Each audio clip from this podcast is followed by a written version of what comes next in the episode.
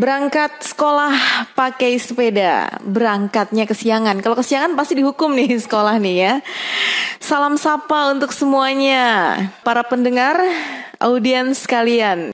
Uh, kali ini kita akan membahas hal seru, yaitu tentang 11 kekeliruan kekeliruan siapa kekeliruan pengasuhan dan dampaknya pada kesuksesan anak. Dan nanti di sini saya akan ditemani oleh narasumber saya yaitu Ibu Nina Marlina, praktisi terapis ya, family terapis.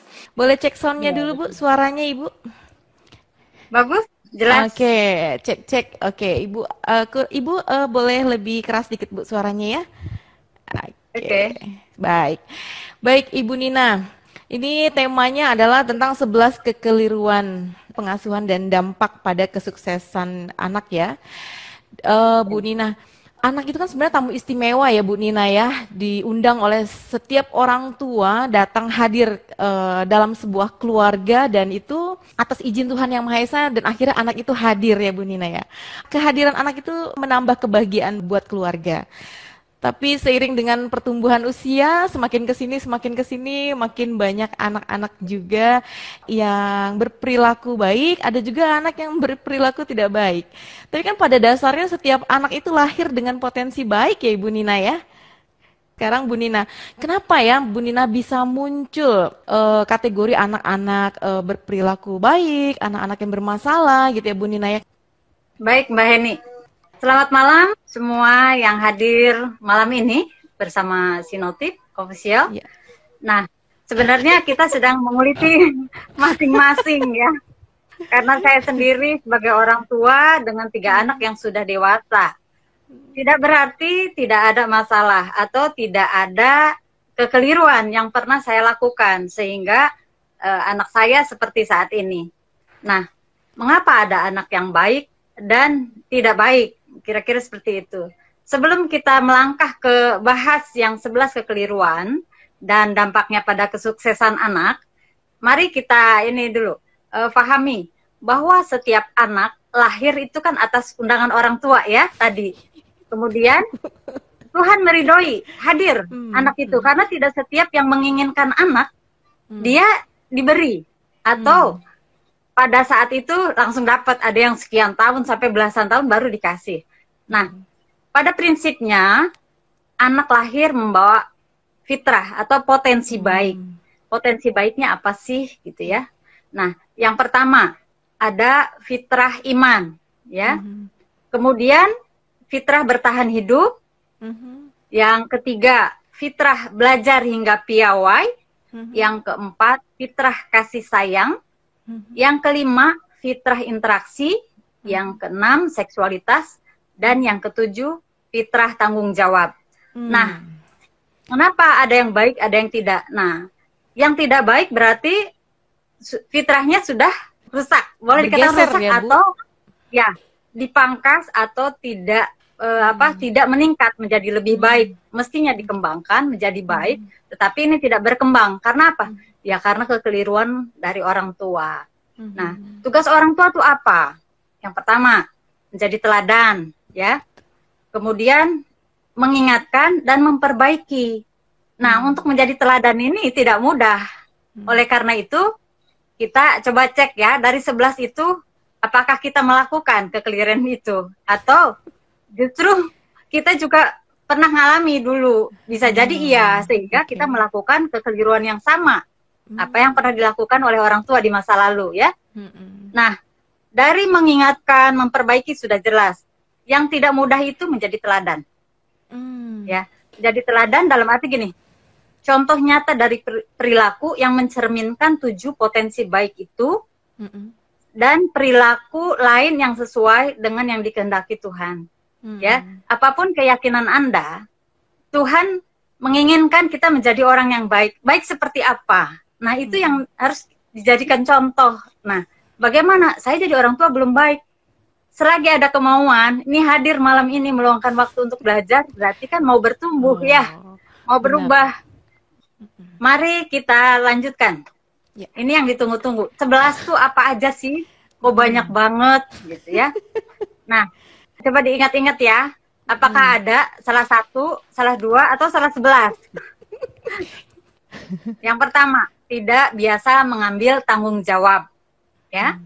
Yang kedua, menanamkan keyakinan yang salah. Yang ketiga, berbohong. Yang keempat, labeling. Hmm. Yang kelima, pelit melakukan empat hal ajaib. Hmm. Yang keenam, fokus pada kekurangan, suka mencela, hmm. dan doyan mengeluh. Hmm. Yang ketujuh, ancaman kosong. Yang kedelapan, suka menakut-nakuti. Yang kesembilan, disuapi solusi. Yang kesepuluh, pembiaran. Yang kesebelas, fokus pada dunia. Mbak Heni tadi kenapa tarik napas dalam? Kayaknya, kayaknya saya Bu. Fokus pada kekurangan Bu. Iya. Kalau ada anak salah kayaknya gampang sekali langsung gitu. Boleh Bu dijelaskan Bu ya. Oke Bu, silakan Bu. Kami uh, persilakan Bu untuk apa namanya membahas satu dulu nih Bu. Tidak membiasakan mengambil tanggung jawab. Ini maksudnya gimana nih Bu? Oke, sebelum masuk ke yang pertama, apa yang Mbak Heni ingat ketika Mbak Heni mau menikah dulu? Apa yang Mbak Heni persiapkan? Ya segala sesuatunya bu. Mulai dari apa? Uh, biaya pasti ya kan? Kemudian juga uh, apa namanya uh, berpikir tentang acara juga bagaimana itu pasti gitu bu. Ada lagi? yang paling penting biaya ya bu. Oke, nah seperti yang di apa dijawab di sini Pak Yudi Yudi Said bilangnya biaya. Nah, kebanyakan kita lebih fokus pada pesta, pada oh, akad, atau iya. pada acara pokok pada saat kita menikah. Hmm. Padahal ketika menikah, nah ada yang jawab, jawab jiwa dan raga, ada yang jiwa mental ya. iya. Mental bu. Iya. ada yang siap jadi suami, ada yang siap jadi istri, ada yang siap jadi ibu, ada yang hmm. siap jadi ayah. Tetapi banyak yang tidak siap menjadi orang tua. Nah, itu ya, Bu. Benar. Bahkan ada yang jawab dekorasi katanya. Oke, okay, Bu. Sekarang kalau kayak dekorasi, udah ada IO, mau apa? Ya, semua ada. Nih pesta dong, Bu, katanya. Nah, semua udah ada yang bantu. Tetapi ketika kita sudah ijab kabul atau sudah sah ya, secara hukum, sebagai pasangan suami istri ada yang jawab pengantin juga ya baju pengantin. nah ini yang kebanyakan kita kurang fokus bahwa ketika kita uh, sudah sah menjadi pasangan suami istri kita itu kan ya pasti ada dong keinginan punya keturunan punya anak. Betul. kita bilang siap mental oke okay, siap mental jadi istri atau suami. Mm -hmm. bener nggak apa yang dilakukan sebelumnya? Apa yang dilakukan sebelumnya? Apa Pernah ya, konseling? Enggak, Bu. Enggak. Enggak, Bu. Enggak ada konseling sama sekali, Bu. Iya. Eh, kalau ya. yang di gereja ada yang penataran oh, ya, iya. ada selama minggu kayak gitu. Nah, ya. Kebanyakan kita jarang melakukan. Betul. Jadi nikah ya karena dasar cinta, orang tua setuju, kedua belah pihak setuju dan keluarga besar oke okay lah jadilah menikah setelah berumah tangga hmm. baru tuh baru terasa hmm. begitu hmm. hamil nih ya ini gini kalau jadi ibu itu prosesnya panjang dibanding jadi ayah jadi oh. ibu itu kan hamil dulu iya kan ya. mengandung begitu tahu tes pack itu strip 2 apakah dia sudah menerima bahwa saya mau jadi ibu hmm. tidak semua ketika tahu strip 2 itu menerima dengan bahagia, dengan senang hati, dengan penuh rasa syukur. Karena hmm. tidak setiap wanita yang sudah berumah tangga dikaruniai anak. Ya, Betul. gitu. Kemudian apa yang dirasakan oleh ibu sepanjang kehamilan? Apakah dia tahu mempersiapkan ilmunya? Mental mungkin bisa, tapi kalau nggak tahu, pasti katanya-katanya browsing hmm. lain sebagainya kata orang tua atau kata siapa melahirkan itu sakit. Anak saya pernah menanyakan, Bu, melahirkan sakit enggak? saya bilang pengalaman saya melahirkan itu mudah. Ya. Kenapa mudah ya? Saya ceritakan. Karena apa? Yang dilihat di televisi lain sebagai informasinya negatif. Dan itu bisa menjadi program di pikirannya ketika hmm. dia hamil merasakan misalkan aduh kalau hamil muda kan biasa mabuk akhirnya mabuk padahal tidak selalu nah jadi ibu itu panjang kita tidak mempersiapkan diri untuk menjadi seorang ibu yang benar-benar apa hmm. dicintai oleh anak ya bukan hmm. kalau mencintai anak sudah pasti hmm. ya nah begitu anak lahir ya suami jadi ayah lah ibu ini baru hmm. jadi ibu panjang sekali ya 9 bulan 10 hari lah kira-kira begitu. Belum lagi kalau hamil memeriksakan kehamilannya sendiri. Hmm. Tidak didampingi, hmm. kadang melahirkan juga hmm. tidak ditemani karena situasi dan kondisi lain sebagainya. Oke, okay, hmm. sekarang masuk ke tidak biasa mengambil tanggung jawab. Ya, Bu. Nah, apa sih kok tidak biasa mengambil tidak membiasakan mengambil tanggung jawab? Apabila kita punya anak masih kecil, ya pernah lah masih balita, Terus hmm. dia jatuh atau kepentuk. Yang disalahkan siapa? Hmm. Meja, tembok, batunya, kodok, Bu. atau siapa? Batu, batunya, batunya. Dipukul nah, batunya, Bu. Tak gitu. Iya. Dari hal itu, yang kecil itu yang dianggap sepele, ini bisa hmm. berdampak besar. Ketika hmm. dewasa, setiap kali terjadi sesuatu yang tidak menyenangkan, dia akan menyalahkan orang lain. Oke. Ya kan? Iya, Bu. Apa sih yang seharusnya dilakukan oleh orang tua ketika anak jatuh? Hmm. Ya? Atau misalkan alat tulisnya tertinggal. Hmm. Ya? Atau PR-nya tercecer lupa lain sebagainya. dikerjakan, Bu. Iya, lupa dikerjakan. Iya. Iya. Ada anak yang memang selalu dibantu. Hmm. Semuanya disiapkan. Dia hmm. pergi udah tinggal pergi gitu. Pokoknya kalau ada yang kurang, buku pelajarannya salahin mbak, ya kan? Salahin suster. Iya, iya enggak? Iya. Bu. Nah, ini yang ketika salah, anak mesti di apa? Tadi kan tugas orang tua apa? Menela, memberi teladan, memberi teladan, mengingatkan, mm -hmm. ya kan? Mm -hmm. Terus memperbaiki, ya kan? Mm. Nah, dari situ ketika anak jatuh hmm Dikasih tahu hati-hati ya, di sini ada batu mm-hmm. atau di sini mm-hmm. licin gitu. Semestinya seperti itu. Walaupun mm-hmm. hal sepele supaya anak anteng, diem jangan nangis, jangan mm-hmm. pukul temboknya, jangan pukul meja oh. atau apa. Nah, yang salah masuk penjara ajaran siapa tuh? Iya, kadang gitu. uh, itu masuk di menakut-nakuti ya. Ada salah uh, yang lainnya. Apa ancaman kosong yeah. kayak gitu. Mm -hmm. ya nanti okay, masuk ke sana. kalau di mana-mana ada bat memang jadi dari sering kali. Mm -hmm. ya jadi prosesnya gitu ya bu ya. Kita uh, apa letakkan tanggung jawab ini pada si anak berarti gitu ya bu ya. Jadi artinya kalau memang dia salah ya berarti ya dia dikasih tahu salahnya apa gitu ya bu ya Oke. Okay, iya, baik. kan tugas orang tua tadi tiga mm -hmm. ya, memberi teladan. Mm -hmm. Dengan begitu kan dia mengajari berbohong sebenarnya. Oh, ya kan? Oke. Okay. Supaya nggak nangis. Mm -hmm. Itu berbohong adalah di sendiri sebenarnya. Tetapi mm -hmm. dengan kejadian itu orang tua sudah mengajari bohong. Padahal mm -hmm. dia jatuh karena kesalahan dia sendiri, kurang hati-hati. Mm -hmm. Lebih baik ini, ketika anak jatuh, tanya perasaannya. Kalau memang sakit sampai berdarah, fokus ke luka dong. Jangan salahin yeah. temboknya, jangan salahin batu. Yeah. Jadi anak merasa, oh iya, uh, kalau saya tidak hati-hati, berarti mm. saya jatuh, saya mm. terluka. Mm. Nah, ketika orang tua membantu anak membersihkan luka atau mengelus atau memeluk, berarti kan dia merasa diperhatikan. Mm. Nah, itu cara kita membangun komunikasi.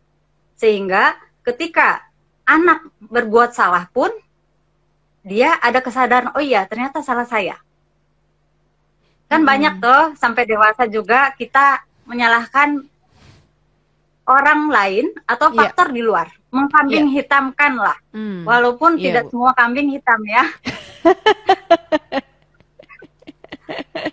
kasihan bu nasibnya kambing iya yeah. okay, bu nah selanjutnya mm -mm. menanamkan keyakinan yang salah. Ini baru yang kedua ya. Ya. Menanamkan keyakinan yang salah, ini ya. Bisa berbagai bentuk, mulai dari pemilihan kisah, cerita, dongeng gitu ya. Iya. Ada cerita-cerita yang dibuat oleh orang tua ya. Mm -hmm. Membuat pernyataan yang tidak didasari oleh satu riset atau kebenaran hanya oh. untuk apa ya? E, membuat anak percaya gitu. Percaya. Kadang termasuk gini, makan yang banyak biar pinter. yang terjadi pinter enggak? Kalau mau pinter kan mesti belajar. Gendut iya. Dan itu bisa. Memang misalkan anak ini pinter, terus makannya selalu banyak, kan repot. Sekarang iya, banyak orang yang obesitas, sulit untuk mengembalikan ke kondisi berat badan ideal. Ternyata ada program yang keliru yang ditanamkan oleh orang tua, keyakinan yeah. yang salah tadi.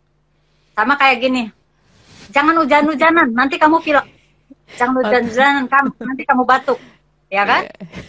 Yeah. Sama itu tuh bu, tadi katanya apa tuh? Kalau habis makan nggak boleh tidur nanti jadi ular. Wah itu mah udah ibunya berfantasi berarti ya. Iya, bisa aja loh apa jadi bahkan dengar kata ular mungkin dia akan jadi uh, fobia itu gitu ada. ya. Iya. Nah, dari dari menanamkan keyakinan yang salah ini mm-hmm. bisa menjadi masalah ketika ia dewasa. Oh. Kenapa? Termasuk gini. Melahirkan itu susah. Cari uang itu susah. Wah. Ya kan? itu kan kayak sugesti. Cari kerja tuh susah lah, hmm. kebayang nggak? Pendidikan ya, Bu? tinggi. Ternyata hmm. iya. Dipikir bawah sadar, oh ternyata cari uang tuh susah, cari kerja hmm. susah gitu. Hmm. Itu bahaya. Padahal maksudnya gini, kamu belajar yang tekun, ya kan? Oh yeah. Kalau tekun, kamu berprestasi, maksudnya dari sisi akademik atau punya keahlian hmm. apa, hmm. kamu mau melamar kerja atau mau apa e, menjadi apa pun jauh lebih mudah dibanding hmm. ya kita bilang cari kerja tuh susah boro-boro hmm. mau kreatif ngelamar aja mungkin dia sering ditolak karena bawah sadarnya bilang cari kerja tuh susah ketika ditolak hmm. ya ya cari kerja susah gitu. lamar lagi ternyata memang benar susah Betul. banyak kan yang ya sorry aja pendidikan tinggi tapi kadang juga merasa kok kayak nggak punya apa ya punya kemampuan bahwa saya sebenarnya bisa gitu. Tapi karena oh, program okay. itu yang jalan, mm-hmm. jadi menurut dia sulit gitu loh. Mm, ya, iya ibu. Mengerikan iya, nggak iya, tuh? Mengerikan banget ibu ya bisa tersugesti uh, anak. Jadi kayak jadi tersugesti yang apa uh, semacam sugesti yang berulang-ulang ya Bu selama dia uh, ini ya Bu ya lebih dari 24 jam selama dari dia kecil semasa hidupnya tersugesti tentang hal itu ya Bu ya. Ada yang katanya nah. nasinya nangis, Bu. Ada yang katanya ya. cari uang susah gitu kan. Oke, Bu. Nah. Serem juga ya, Bu ya untuk ini ya. Jangan-jangan saya juga sering sekali, Bu, melakukan ini gitu. Artinya uh, tidak sadar ya Bu ya, saya sebagai orang tua juga suka menanamkan keyakinan yang salah. Kayak misalkan kalau nggak belajar serius nggak bisa ulangan gitu Bu. Gimana tuh Bu kalau gitu Bu? Nah, ini juga mestinya eh, apa sih yang diharapkan dari anak itu orang hmm. tua hmm. misalkan ngomong kayak gitu kalau misalkan paling tidak gini diajak diskusi hmm. apa sih yang anak inginkan atau e, diberi contoh hmm. kamu kan pernah ulangan dapat nilai sekian perasaan hmm. kamu gimana hmm. ya enggak hmm. terus misalnya nilainya e, apa tidak sesuai harapan dia perasaan hmm. kamu gimana malu hmm. terus misalnya apa lagi ya merasa bodoh Nah, mm-hmm. kalau kamu merasa malu atau merasa bodoh, sebenarnya kan setiap orang itu punya kecerdasan, ya kan? Mm-hmm. Yeah, Bu. Apa yang harus kamu lakukan supaya nilai kamu uh, meningkat dan mm-hmm. kamu jadi lebih baik gitu loh, nggak yeah, malu yeah. lagi. Kalaupun misalkan uh, nilainya mungkin misalnya 6 mm-hmm. Mama dulu juga pernah, tapi Mama terus belajar supaya uh, nilainya bagus. Akhirnya Jarang, Mama Bu. bisa Orang tua ya. jarang Bu yang mau mengakui dulunya juga pernah dapat nilai jelek waktu sekolah Bu. ya kan Bu Alfi? ya, ada yang baru gabung Anak, tuh Ila Weta iya. Restu, Restu Anissa ya. Oke. Okay. Kalau jawabnya ya biasa Kalau aja jawabnya, Bun. Bagaimana? Tinggi itu Bun. berarti kan buat dia nggak penting nilai bagus. Hmm. Tetapi kan setiap apa setiap orang ada hal penting yang menurut dia ini mesti ditingkatkan gitu. Mm, yeah. Memang nilai bukan jaminan dia mm, sukses, mm, mm, tetapi mm, mm, ketika dia berproses dengan baik, belajar mm. dengan baik, itu mm. di masa depan dia akan jauh lebih mudah beradaptasi, oh. baik dalam dunia pekerjaan, dalam apa pun. Gitu. Mm. Baik ibu. Ya, yang tadi kan uh, soal keyakinan yang salah. Ini Betul. program mm -hmm. pikiran itu masuk melalui lima lima jalur. Uish. Satu, siapa nih yang ngomong?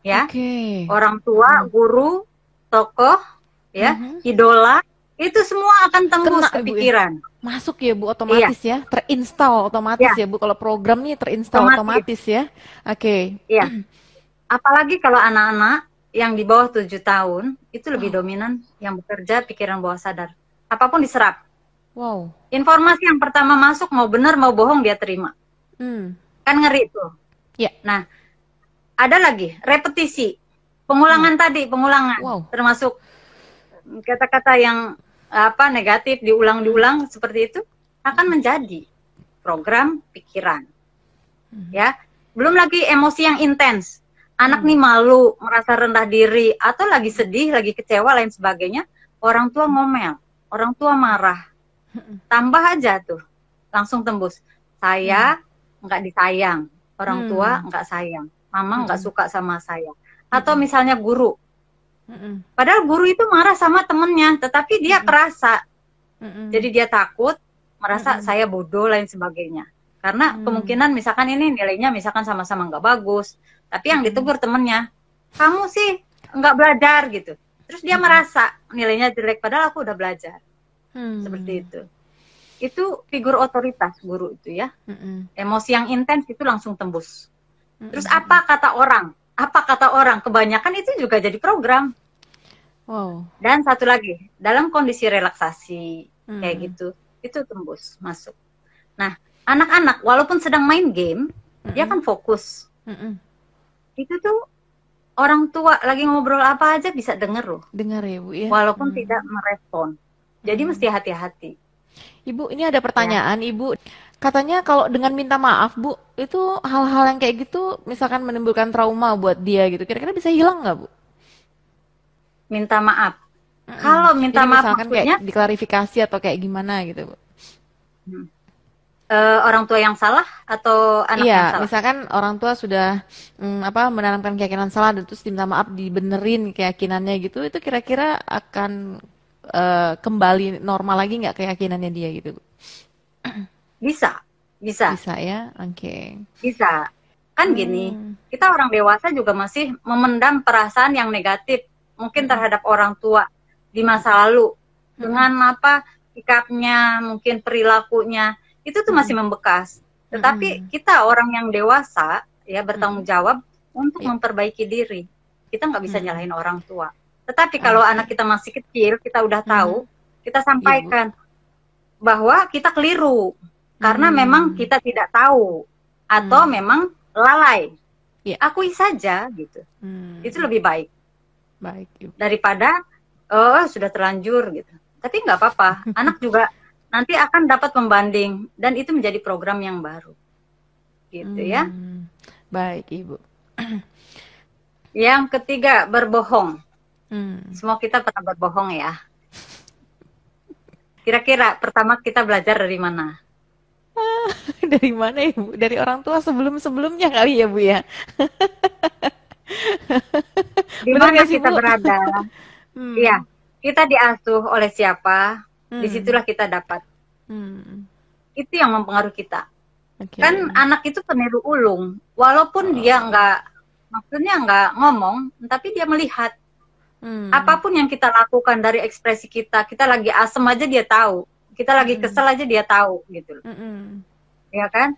Nah, berbohong itu adalah kesalahan yang serius sering kali dianggap sepele. Ya enggak? Hmm. Ya, ya, betul, Bu. betul, Bang. Oke, Bu. kita lakukan ini bisa berulang tanpa sadar karena apa? Supaya anak nggak rewel. Yeah. Saya pernah uh, menenangkan anak saya waktu itu ya anak nomor dua masih SD mm -hmm. kelas 2 kalau nggak salah. Mm -hmm. Dia ingin apa motor yang mm -hmm. mini yang pakai mm -hmm. BBM tapi mm -hmm. dia motor bukan sepeda. Yeah. Terus har harganya lumayan. Mm -hmm. Ya waktu itu satu bulan gaji ayahnya lah gitu kan. Terus saya bilang gini, nanti kalau ayah punya uang, supaya apa? Hmm. Anak tuh nggak merengek, nggak minta. Itu waktu di toko. Ternyata Padahal. setelah sekian tahun, dia pas kelas 3 SMK, hmm. Hmm. SD kelas 2 ke 3 SMA berapa SMK berapa tahun tuh? Hmm. Kan kelas 12. Ya. Berarti kan 10 tahun. Iya, kurang lebih 10 tahun. Ya, kan? Betul. Hmm. Kurang lebih 10 tahun. Begitu ke toko yang lain, ada itu yang jual motor kayak gitu. Terus hmm. dia nunjuk, Ya, Dulu ibu janji katanya mau beliin. Oh. iya, saya langsung gitu. Ya Allah, hmm. saya juga ingat, saya pernah janji sama dia gitu. Uh -uh. Terus saya bilang gini, tapi kan ah udah dibeliin, udah punya motor hmm. yang motor dewasa gitu kan? Iya. Uh -uh. Ya kan beda, ah, maunya kayak gitu. Nah, oh. Nah, ketika dia ngomong gitu, berarti hmm. dia yang umur 2 tahun. Bukan dia yang SMK.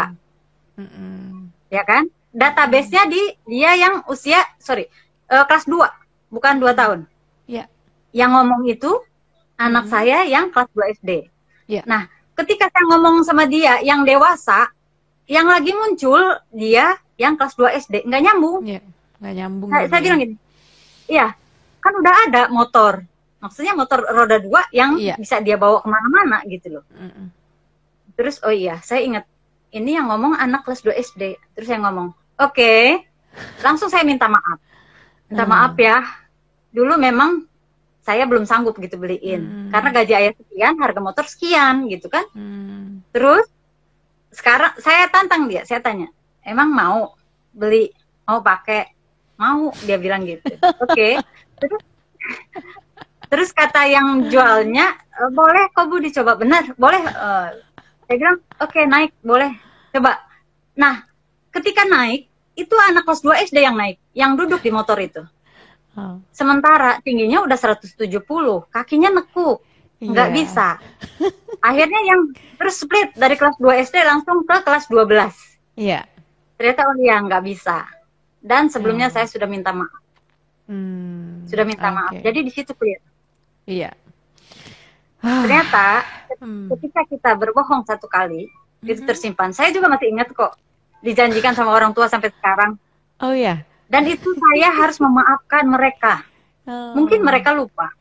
Dulu hmm. saya dijanjiin mau dibeliin sepeda. Hmm. Janjiin mau diajarin nyetir. Itu enggak hmm. dipenuhi semua. Hmm. Kecewa iya. Sekarang saya udah bisa beli sepeda sendiri. Oh. Ya kan? Mau nyetir yeah. udah ada yang ngajarin nyetir gitu. Ya sudah gitu loh. Hmm. Itu yang dewasa sekarang. Saya harus beresin kalau enggak tetap dongkol gitu. Iya, benar. Ini dia hal yang mm -hmm. kecil dianggap sepele berdampak mm -hmm. ke dewasa di pekerjaan mm -hmm. deh. Iya. Di lingkungan pergaulan lain sebagainya banyak. Mm -hmm. Artinya me, apa melakukan hal itu untuk supaya aman, menyelamatkan mm -hmm. diri. Padahal mm -hmm. kebohongan dengan kebohongan lain itu akan terus ditutupi terus. Dan Nah, bisa hilang kepercayaan. Caranya kalau tadi suruh nabung kali ibu ya anaknya ya. Jadi kita nggak bilang nggak kasih PHP apa tuh kayak uh, nanti kalau nunggu punya uang ya bilang aja nabung dulu kalau mau gitu kan ibu ya. Itu lebih real ibu. Iya. itu lebih bagus. Itu lebih, lebih bagus real ya, bu, karena ya? apa? Okay. Karena kita bisa mengajarkan dia mm-hmm. bahwa untuk mendapatkan sesuatu harus ada upaya.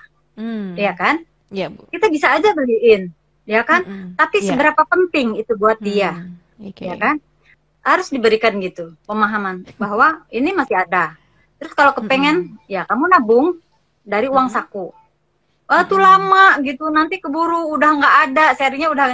Oke, okay, tetap diupayakan. kalau memang janji mau belikan, mau nambahin berapa? Mm -hmm. Lebih baik gitu. -hmm. Lebih baik terus okay. terang. Jangan bilang juga nggak punya uang gitu hmm Lebih baik bilang uangnya nggak cukup. Kalau nggak punya uang, jangan sampai rezeki kita hilang gitu loh. Oh iya. Iya kan nggak bagus. Sama dengan yeah. doa, karena ucapan adalah doa. Iya benar ya, ibu. Kan? benar ibu, baik. Sering nggak? Iya, ngeri banget Bu ya, berbohong ya Bu. Luar biasa.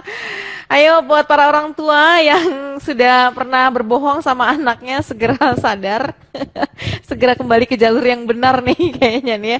Karena efeknya sangat mengerikan sekali dan itu terbawa sampai mereka nanti tua jadi orang tua juga ya Bu ya. Dan akhirnya mencontoh ya. lagi nih Bu ya ujung-ujungnya ya Bu ya. Kayak gitu ya Bu. Nah, termasuk termasuk kayak korupsi gitu kan. Wow. Itu kan dari kebohongan-kebohongan kecil. Oh, ya enggak? Okay. Mm -hmm Baik. melindungi sesuatu. Hmm. Tapi kan korupsi kan nggak selalu materi, bisa iya, waktu. Iya. Betul. Uh, saya kan dulu pernah kerja sebagai pegawai negeri. Iya. Tapi saya merasa tidak nyaman ketika saya banyak meninggalkan jam kerja hmm. karena ada kegiatan organisasi sebagainya. Hmm. Yeah. Kemudian saya memutuskan mengasuh anak sendiri. Saya berhenti jadi PNS. Okay. Orang bilang sayang. Enggak, saya bilang saya punya kewajiban yang tidak bisa saya penuhi daripada saya makan gaji buta saya berhenti. Memilih mengasuh anak. Gitu. Keren bu. Sangat menginspirasi. Oke ibu silakan ibu. Ini kita masuk ke ini kalau belum ada yang tanya kita berarti bisa masuk ke poin yang keempat ya bu ya? Ini, iya kayak ini bisa cepat selesai nih. Uh, masih cukup waktu ya. mm -mm. ya labeling mm -mm. labeling itu menempelkan kata sifat ya mm. kata sifat tertentu sebagai identitas Nah, mm-hmm. ini juga yang sering terjadi. Baru kemarin ini saya menuliskan mm-hmm. tentang bullying. Ya, tentang bullying. Mm-hmm. Bullying ya, Bu ya. Ya, okay. bullying. Oke, uh. okay, okay, Beberapa okay. komentar dari yang merasa pernah dibully, dia itu orang sudah dewasa tetapi kejadiannya itu masih kecil dan masih hmm. terngiang sampai dengan okay. dia dewasa saat ini. Oh. Jadi, labeling ini bisa merusak harga diri bisa merusak konsep diri. Hmm. Seringkali harga diri anak rusak itu bukan oleh orang lain, justru oleh orang tua oh, atau okay. yang mengasuh, ya kan? Mm-mm. Misalkan dibilang kamu ini pemalas, mm. ya kan? Kamu tuh lelet banget, masa gitu hmm. aja nggak bisa? Ah, kamu nih ngeyel. Nah, kamu nggak suka denger mama gitu, gitu bu, itu sama bu ya ya itulah pokoknya yang pernah dilakukan sama Mbak Heni kira-kira apa? Aduh banyak bu. Lambat, nggak mau cepat-cepat. Nah itu bu, itu gawat nah, juga ya bu ya. sebenarnya kan kita e, bersikap kurang adil terhadap anak, ya kan? Dengan cara misalnya kamu tuh lelet. Nah hmm. anak ini bukan orang dewasa yang bertubuh kecil dia kan punya keterampilan kemampuan yang tidak sama dengan orang dewasa. Kadang yeah. kita yang salah mempersepsikan gitu loh. Aduh. Nah.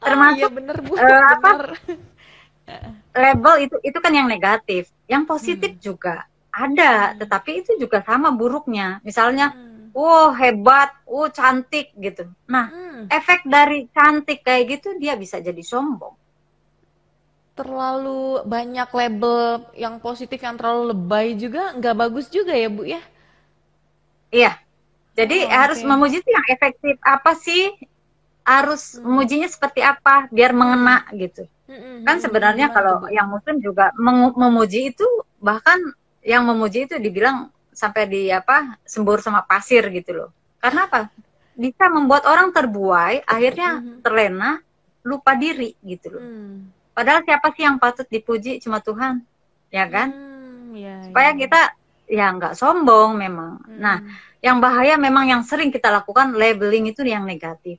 Iya ya. betul bu. Ini gak kan sadar lagi. Kalau dibilang sadar ya bu ya. Seperti Dewi Kianu ya. ini, Dewi Kianu bilang banyak banget bang. Umumnya banyak nggak disadari sama orang tua. Iya, uh, memang perlu dilatih ya karena itu juga udah jadi program di pikiran kita ketika mm-hmm. kita tidak senang anak mm-hmm. melakukan uh, apa penundaan mm-hmm. karena apa kita dulunya suka diburu-buru sama orang tua mm-hmm. ya enggak mm-hmm. apa apa ayo cepet cepet cepet cepet gitu gesit yang gesit maunya gitu mm-hmm. sekarang dibilang ada anak mager lain sebagainya istilah kayak gitu ya karena itu mm-hmm. udah kadung di label mager, males, dasar kamu malas. Ya udah beneran dia jadi malas. Hmm. Loh, yang program siapa malas? Yang label siapa? orang tua kan itu ada emosi ya emosi-emosi hmm. terus uh, menjadi program akhirnya muncul di perilaku karena hmm. apa sugesti yang berulang hmm. ngeri nggak okay. tuh iya bu Iya, sugesti yang berulang ya Bu seperti udah tertanam di alam bawah sadar ya Bu ya. iya. Nah, ini kan jadi apa? Jadi keyakinan yang keliru. Hmm. Lagi-lagi tersimpan di pikiran bawah sadar tertanam kuat sampai hmm, ada program baru dia Maaf. bisa berubah. Labelingnya sudah ya, ya uh, sampai okay, di situ. Sekarang lanjut ke pelit melakukan empat hal ajaib. Pelit yang dimaksud itu apa? Hmm. Yang empat hal ajaib itu apa? Hmm. Yang pertama, meminta maaf, hmm. ya.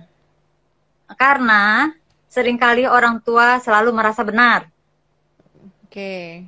Karena orang tua merasa sudah pernah jadi anak.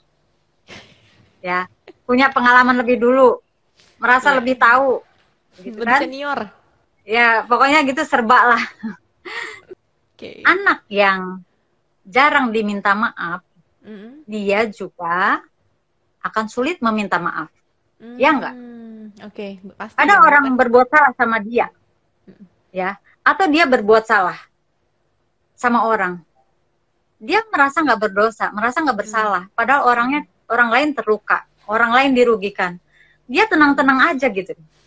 Nggak merasa bersalah dan tidak minta maaf. Karena apa? Mm. Menurut dia nggak penting minta maaf. Karena yeah sering kali dia begitu gitu loh. Hmm. Orang tua berbuat salah, anak ini tahu orang tua ini salah. Orang tua nggak minta maaf gitu loh.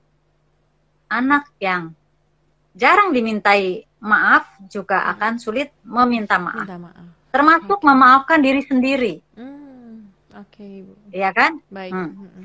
Yang kedua, empat hal ajaibnya apa? Berterima kasih.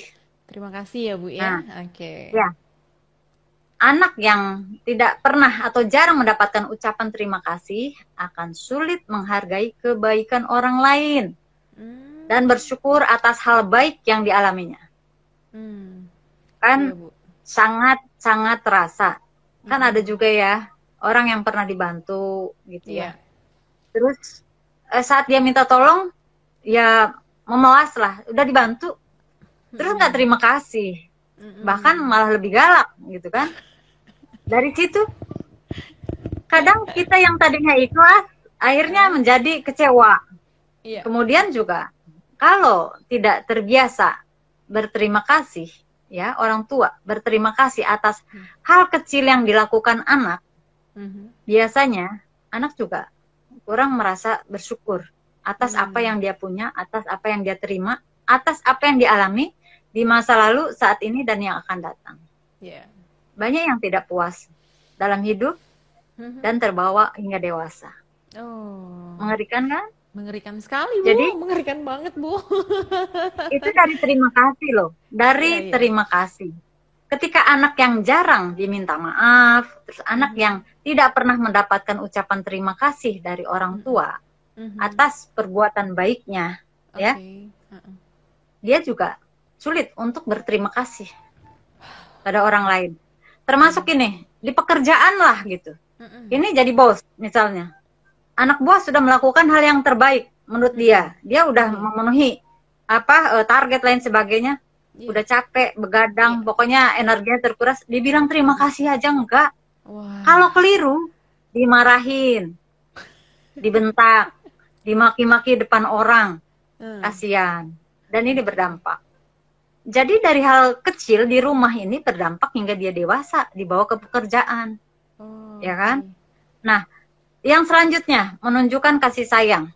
Mm. Menunjuk, ini kan baru yang e, empat hal ajaib ini baru yang ketiga menunjukkan kasih sayang. Mm. Menunjukkan kasih sayang itu bisa dengan ucapan, sentuhan, tatapan mata, dan ketika anak semua itu katakanlah e, diisi tangki cintanya, anak akan mm. merasa dicintai. Nah, wow. inilah mengapa ada anak yang baik dan ada anak yang tidak baik. Yang tidak baik biasanya tangki cintanya kosong, kritis, oh, ya kan? Oke. Okay. Gitu. Sehingga dia mencari perhatian, berulang. Bu, ada pertanyaan ya. tuh, Bu. Kalau orang tua sudah merubah pola asuhnya, Bu, lebih baik katanya, Bu. Tapi sikap anak masih belum berubah. Bagaimana ini, Bu? kalau anak itu sudah apa eh, SMP itu bisa dibantu di terapi. Oh, di terapi. Saya ya, sering ya? menangani anak ya di hipnoterapi. Hmm. Dengan catatan orang tua mau bertemu saya. Oh. Karena apa? Orang tua yang mengasuh anak, apa yang terjadi dengan anak orang tua jauh lebih tahu. Hmm. Kita bukan uh, apa jasa laundry. Ini anak nih bermasalah dibawa, udah gitu bersih. Enggak. Kalau sumber masalahnya orang tua, gimana? Ya kan? Yeah, yeah, yeah. Nah, kemudian, nah yang terakhir ini memuji. Nih, memuji. kalaupun waktunya nggak cukup, nanti kita apa ulang di uh, sesi berikutnya. Ya. Memuji itu yang tadi juga belum ya sebenarnya. Yang menunjukkan kasih sayang itu lewat yang tadi mengisi tangki cinta. Ya, kita berkomunikasi, ya, kayak gitu, ya. Berkomunikasi berdasarkan bahasa kasihnya anak. Makanya hmm. akan nyambung. Hmm. Ini anak bahasa kasihnya apa? Ujian, kata-kata pendukung Tapi orang tuanya sering ngasih hadiah, kan nggak nyambung gak sebenarnya. Nyambung, Walaupun anak suka. Tapi anak sering dimaki. Nah, hmm anak merasa tidak dicintai. Orang tua merasa sudah mencintai, sudah memberikan segalanya. hmm Tetapi ketika bahasa cintanya tidak klop yang di apa lakukan oleh orang tua, hmm anak tetap merasa tidak dicintai. Wow. Ternyata yang dibutuhkan apa? Hanya dukungan, ya kata-kata yang positif dari orang tua, bukan makian. Walaupun orang tua memberikan segalanya, ketika itu belum pas, tetap aja anak merasa nggak ada apa-apanya yang dikasih sama orang tua. Hmm. Gitu. Ya, ibarat nah. mobil, nah, bahan bakar yang diisi belum pas gitu ya bu ya. Jadi nggak bisa jalan tuh anak ya bu. Bener gak, ya, bu? harusnya harusnya misalkan uh, bahan bakarnya apa di, di isinya air ya kan nggak nah. pas dia nggak jalan dong gak jalan walaupun diisi ya. gitu kenali bahasa cinta diri sendiri orang tua ini pasangan juga anak sehingga ketika berkomunikasi tahu bahwa anak ini sukanya pujian. Nah, bagaimana cara memuji? Ini juga masuk di langkah yang keempat itu. Latih telinga, mata, rasa untuk ya menjadi detektif kebaikan. Apa yang anak lakukan? Hal kecil aja. Yang baik itu puji. Puji perilakunya bukan puji karakternya, bukan orangnya. Oh, puji ya. perilakunya. Misalnya ya. anak okay. ini, anak ini biasanya naruh tas geletak sembarangan, terus dia taruh di meja belajar. Mm -mm. Ketika melihat itu, puji dia. Mm -mm. Jangan sampai ketika anak berbuat salah diberi perhatian, tetapi mm. yang negatif, oh, okay. diomelin. Kenapa sih udah dikasih tahu kok naruhnya masih aja di situ? Ya udah, karena sugestinya begitu dia tetap naruh di situ. Yang dongkol siapa?